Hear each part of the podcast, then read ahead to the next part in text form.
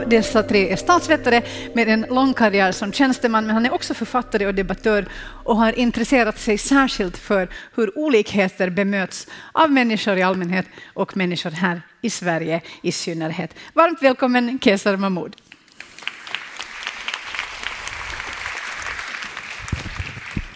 Tack. Eh, hörni, så här, jag hade ju tänkt eh, när jag höll på att planera inför det här att jag skulle lägga upp det precis som de här retorikexperterna säger att man ska lägga upp sina föredrag. Vi börjar med en sån här personlig, lagom personlig ingång som berör temat och sen långsamt, långsamt vandra in på det jag ska säga. Men grejen är att jag har bara 20 minuter på mig. Och jag har tre eh, påståenden eh, som jag skulle vilja eh, lägga fram för er. Och de här tre påståenden, de kan kanske ni tycka är väldigt provokativa. Så det är därför jag behöver de här minuterna, verkligen, varenda minut, till att lägga ut texten. För att det blir lite en trigger warning här. att uh, Jag är inte ute efter att provocera, jag älskar mångfald, jag tycker det är jättebra. Så nu har jag sagt det. Jo, så här. Uh, jag, eh, lite som Johanna var inne på, att jag har intresserat mig väldigt mycket, både i yrkeslivet men också bara rent så tankemässigt kring vad är det som gör att vi säger, många av oss, inklusive jag, att vi gillar olikheter. Vi trycker gärna på like-knappar. Men sen när vi börjar titta på vilka vi umgås med, hur våra arbetsplatser ser ut, eh, vilka vi bjuder hem till middagsbordet, så ser vi att de flesta är, de är oftast lika oss. Och jag tror ju att det där eh, beror inte på att vi eh, är vill illa eller har dåliga intentioner. Jag tror tvärtom att vi har väldigt goda intentioner. Men jag tror att vi människor är väldigt, väldigt dåliga på att hantera det med olikheter. Alltså rent sådär, ni vet, evolutionärt, så att vi inte ens kan rå för det själva. Eh, och jag tror att det gör att vi får någon sorts diskrepans mellan det vi säger och, och det vi gör. Och sen så tror jag också att det är så här att eh, inom, när vi pratar om mångfald, eh, oavsett om det är yrkeslivet eller vad det är, då har vi eh, väldigt mycket föreställningar som vi bara hört och som vi sen bara traderar. Det finns väldigt lite evidens bakom det. Och jag brukar tänka på, på den här Mark Twain, nu vill jag visa för er att jag är lite beläst också. Där Mark Twain, att ja, men det är inte vad vi vet, vi inte vet som ställer till det, utan det är vad vi vet med säkerhet, men som inte stämmer. Och när det gäller det här mångfaldsområdet, då finns det väldigt mycket sånt. En sån här grej som jag är övertygad om att ni alla har hört, det är att mångfald är lönsamt, eller hur? Det är bra, det är positivt, eh, det är något som man ska tycka är, är berikande.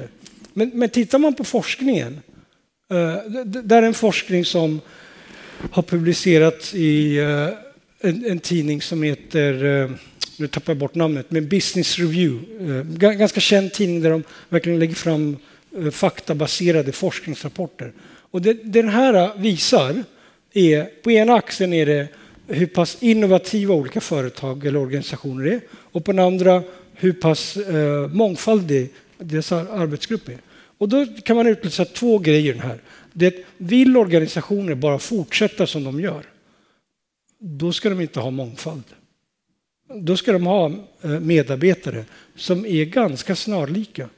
Eh, det blir inga underverk där, men det blir inte heller några katastrofer. Däremot vill, man, vill de vara väldigt innovativa, ja, men då behöver de vara olika. Men tittar man på hur det sprider sig så ser man att ja, men de flesta som har mycket olikheter, de organisationer, det går inte särskilt bra för dem. Och jag tror att det beror mycket på att men de här eh, organisationerna, eh, jag tror som vi, många av oss är i, de är inte beredda att betala mångfaldens pris. För att mångfalden, olikheterna, den kommer alltid med en prislapp. Och den prislappen, det priset, det vill man inte betala. Så jag har, eh, eh jag har typ tre grejer som jag skulle vilja säga, dela med er till påståenden. Det ena är så här, Anställ, och, och, och där kanske, kanske ni kommer tycka är lite provocerande, men anställ inte mer mångfald än vad ni behöver. För det kommer kosta er att omges med olikheter. Och ni vill inte betala för mer än vad det egentligen smakar. Och anledningen till att jag säger det, det är för att det här är en bild på, vi kan säga min hjärna. Och det finns en väldigt eh, en Nobelpristagare som har skrivit en jättebra bok som jag kan rekommendera, ni har säkert läst den, som heter Tänka snabbt, tänka långsamt. Han tycker jag är en väldigt bra beskrivning där han delar upp människans hjärna. Nu vet jag inte vad jag ser den röda texten, men två delar där den ena är väldigt här, snabb, eh, men, men den är lite slarvig. Och den andra är väldigt exakt och långsam. Och då har han listat upp lite så här, vad kännetecknar den delen av hjärnan? Ja, men det är en konkret, omedvetet reaktion. Det här där eh, våra, om vi ska frysa, fäkta eller fly, alla de här ligger. Och den är jättesnabb. Alltså det är, jag kan knappt läsa ut de där siffrorna, men 10 miljoner megabit. Jättesnabbt, det går väldigt fort där. Sen har vi den andra delen som är medvetet, abstrakt, ja, ni kan läsa själva, som är väldigt, väldigt långsamt. Alltså den är långsammare än, ni, ni vet, de har ju som kommer ihåg sådana modem som man ringde upp på, på telefon. Väldigt, väldigt långsamt. Och jag tror att de flesta av oss, i synnerhet akademiker, brukar lida av det. De tror att de är här, oftast. Eh, men, men tittar man på mycket av den här hjärnforskningen, då ser man att majoriteten av människorna, de befinner sig här. Och nu är jag snäll, kanske 80-85 procent av tiden. Och om ni, tittar, om ni tänker på hur vi lär oss saker och ting när vi lär oss köra bil eller cykla, då är vi oftast först där, där allting är jättejobbigt, vi ska trampa och styra samtidigt och man kör bil, växlar ner. Sen behöver vi långsamt automatisera saker och ting och så flyttas de över dit. Och så går det bara av, eller hur? Vi ser att det sätter sig i kroppen. Och det som är, är kruxet, det är att vi är oftast där, men där bor också fördomarna. Och, och, när ni tittar på den här bilden, tänk inte i termer av Eh, bra eller dåligt. För att just att vi har varit där borta, vår förmåga att vara där, det är det som har gjort att vi sitter, eh, just vi sitter här. Att mänskligheten har överlevt så här länge. Eh, så det, där, det där är liksom det som vi har tränats för i, i, i miljontals år, att vara där. Jo, jag skulle vilja att nu, nu har ni kika på det där, för jag vet inte exakt vilka bilder som ska komma. Men vi ska göra ett snabbt experiment. Jag kommer visa er två bilder. Eh, eh, och den är på, vi säger 30 sekunder eller en minut.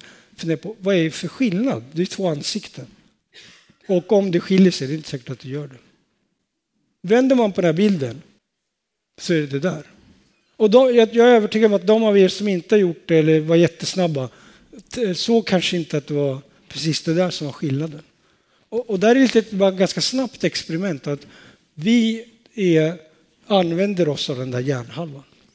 Och varje gång vi är, är i, i den där delen, då, då, då, är det väldigt energikrävande för oss. Och när vi om, omges oss med olikheter eller när saker och ting förändras, då är det väldigt jobbigt för oss. Därav min den här tesen om att ja, men, vi ska omge oss med lagom med olikheter. Uh, nu, nu kommer jag till ett problem här. Och det är att eh, vi lever i en tid som många försöker sätta ord på och beskriva.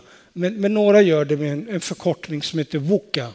Eh, och på svenska skulle man kunna översätta det med att vår värld är förgänglig, den är osäker, den är ja, hög komplexitet och tvetydig. Och allt det här gör att trots att vi är väldigt, väldigt dåliga, eh, dåligt riggade för att hantera olikheter och att omge oss med olikheter, det är därför vi hela tiden söker oss till det lika, så är världen sån att vi måste hela tiden hantera olikheter. För den här världen som vi bor i nu, den låter sig inte planeras enkelt. Den låter sig inte förutses. Den låter sig väldigt, eh, oftast väldigt svårt att beskriva den för att den förändras hela tiden. Och det, är ju allt det här gör att vare sig vi vill eller inte så måste många av oss i de yrken vi håller på med ha ganska eh, mycket olikheter för att kunna hantera våra arbetsuppgifter. Så här finns det liksom en liten paradox som vi behöver lösa. Sen tänkte jag på en annan grej, att jag tror att när jag har pratat om mångfald så har ni sett er framför er kanske den här bilden. Eller kanske FNs generalförsamling. Jag tänkte att med olika händer med olika eh, pigmenthalt som håller i varandra. För mig är inte det här, det är en typ av mångfald. Det man brukar tala om synlig. när jag pratar om apropå mångfald, då är det mycket mer den som är den praktiska. Och den eh, går ju ut på det som handlar om kompetenserna. Nämligen, ni vet det där begreppet kompetens, det är ett tredelat begrepp, att man kan saker och ting. Det kan man ha lärt sig formellt i jobbet, man har förmåga att översätta det. Och sen det viktigaste kanske, ja, men det är det där vilja-attityd. Så att, lite det där att när eh, ni har valt rätt typ av mångfald, inte mer än vad ni behöver olikheter för att lösa arbetsuppgifter, då behöver ni hitta rätt mix. Och, och, och det här har jag testat i sex år. Jag kan garantera er att väljer ni att, att eh, ha den här typen av mångfald på era arbetsplatser, då kommer ni få den andra typen av mångfald automatiskt. Jag själv har eh, under sex års tid lett en ledningsgrupp där, ett av kriterierna för att få bli utvald har varit att de personerna är olika mig och resten av gänget. Och bara gått på kompetensen. Och det har resulterat i att vi har folk som inte alltid, efternamn inte alltid sitter på sån, som kanske är födda i andra länder. Men det har inte varit styrande. Och jag tror att det är det som är med olikheter, att börjar man med den ena, då får man den andra. Eh, Jo, eh, bara med att sammanfatta här. Omge inte med mer olikheter än vad ni behöver, så att ni inte behöver betala ett mer pris än vad ni behöver. Eh, och använd rätt typ av olikheter. Eh, det tredje då, eh, som jag tänker att ni behöver tänka på, det är att, här kommer en annan paradox. Det är att när ni väl har tagit in olikheter, då kommer det påbörja en nedbrytningsresa. För, för det ligger lite i, i, i, vår natur att när vi träffar på andra som Eh, eh, är olika oss, då börjar vi söka likheter. Så att långsamt, långsamt, även om ni eh, rekryterar in mångfald och har, har, har en bredd i, er personalgrupp, så kommer det automatiskt påbörja en, en någon sorts nedbrytningsresa. Nu har jag en liten filmsnutt här som jag skulle vilja visa bara för att illustrera. Det Det är ett väldigt känt experiment som man gjorde på, jag tror att det var på 50-talet, eller uh, 50 eller 60-talet. Uh, äh, men jag tänker den får tala lite för sig själv. The gentleman in the elevator now is a candid star. These folks who are entering, the man with the white shirt, the lady with the trench coat, and subsequently one other member of our staff will face the rear. And you'll see how this man in the trench coat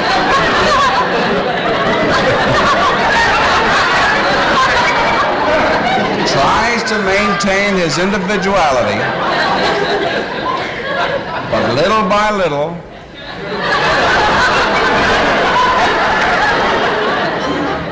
He looks at his watch, but he's really making an excuse for turning just a little bit more to the wall. Now we'll try it once again. Here's the candid subject. Here comes the candid camera staff, three of them at least.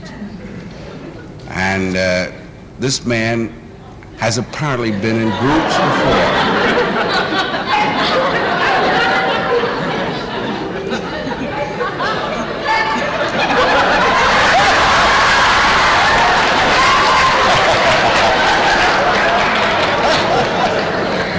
now, here's a fella with his hat on in the elevator. First, he makes a full turn to the rear, and Charlie closes the door. A moment later, we'll open the door. Everybody's changed positions.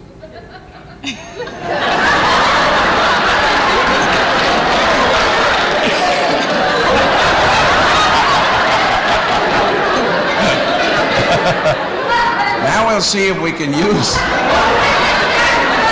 Now we'll see if we can use group pressure for some good. Now, in a moment, on Charlie's signal, everybody turns forward. Notice they take off their hats. And now, do you think we could reverse the procedure? Watch.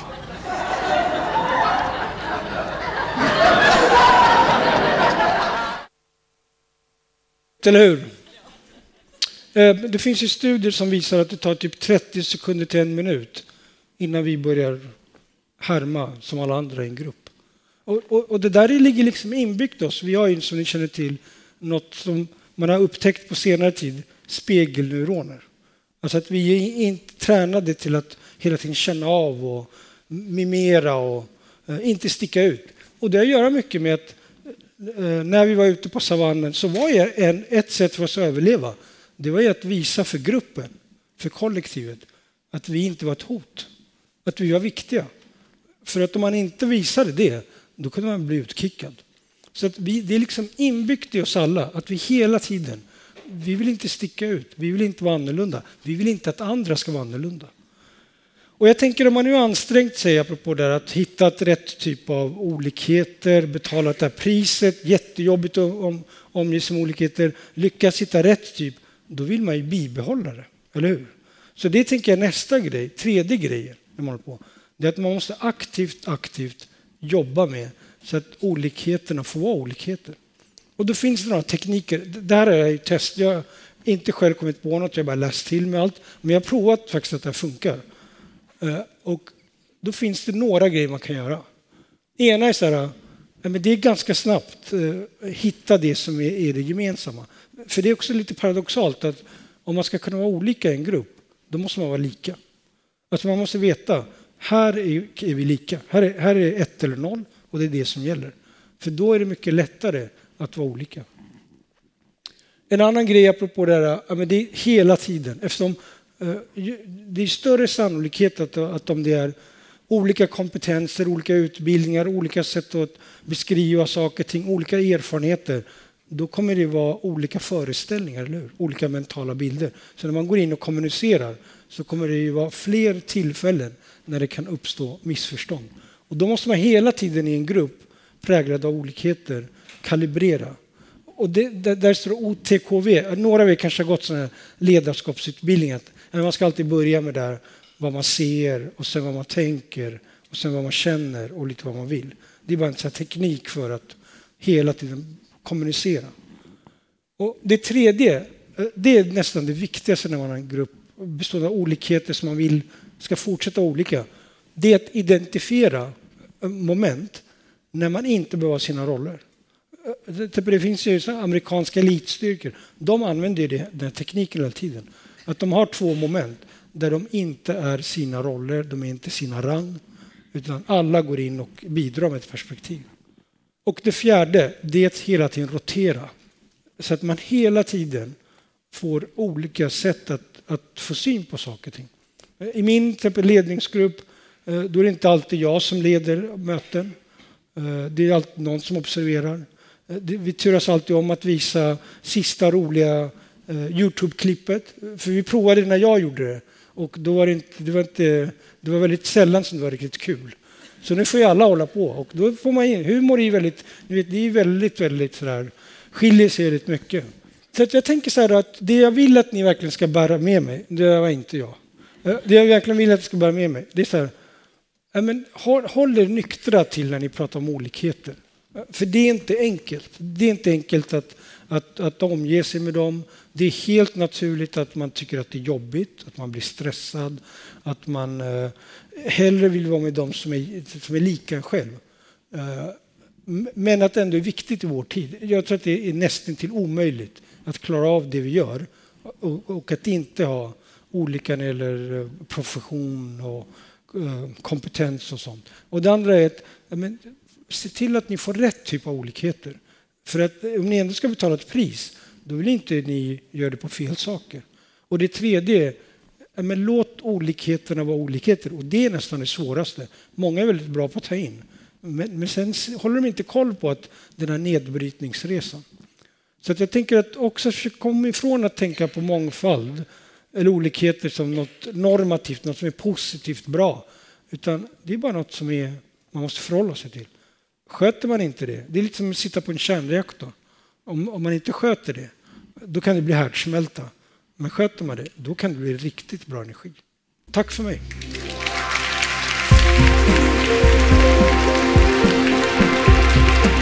Det.